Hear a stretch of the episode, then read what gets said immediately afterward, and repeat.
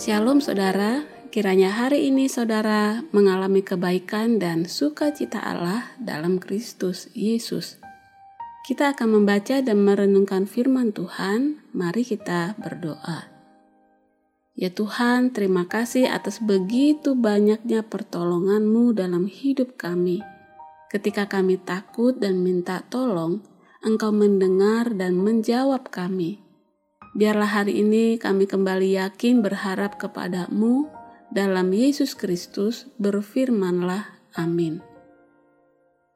Firman Tuhan hari ini Mazmur 56 ayat 4. Waktu aku takut, aku ini percaya kepadamu. Yesus selalu meluputkan. Terkadang ketakutan adalah sesuatu yang mencekam. Daud takut akan nyawanya yang bisa dihabisi lawan-lawannya yang memang mengamat-amati dirinya kapan ia akan diserang dan dibinasakan. Namun kemudian ia menyadari bahwa jawaban atas ketakutan adalah percaya kepada Allah. Seperti yang ia katakan di ayat 7 sampai 12. Kita bisa membacanya. Daud ditangkap oleh Filistin di Gad suatu pengalaman yang mengerikan. Dia diinjak, diperangi tiap hari dan diimpit, namun dia percaya pada Allah. Waktu aku takut, aku ini percaya kepadamu, kepada Allah yang firmannya dipuji. Kepada Allah aku percaya, aku tidak takut. Apakah yang dapat dilakukan manusia terhadap aku?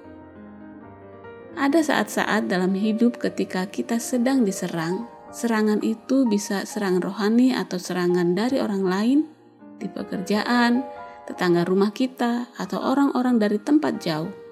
Apa pun penyebab ketakutan itu, seperti Daud, mari kita percaya kepada Allah, dan rasa takut pun tidak akan berhasil menguasai dan melemahkan kita.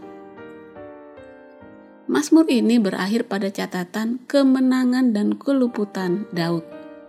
Dia bersyukur pada Allah yang telah membebaskannya. Ada banyak orang yang telah diluputkan Allah dari persoalan hidupnya yang berat. Ahyin dari Hong Kong mengalaminya. Dia dulu menjadi pecandu narkoba saat remaja. Ayahnya juga pecandu narkoba dia dulu dibesarkan di Wall City yang terkenal buruk. Dia bergabung dengan sebuah geng di usia 11 tahun. Mereka makan, mencuri, berkelahi, mengkonsumsi heroin bersama. Di usia 14 tahun, dia ketahuan merampok dan menghabiskan hidup pertamanya dalam tahanan. Selama bertahun-tahun, dia mencoba menjauhi narkoba, tapi tidak berhasil.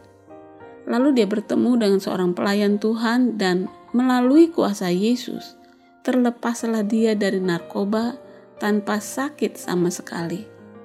Sejak saat itu, dia menjadi salah satu pemimpin pekerjaan Allah, yaitu lewat hambanya Jackie di Hong Kong.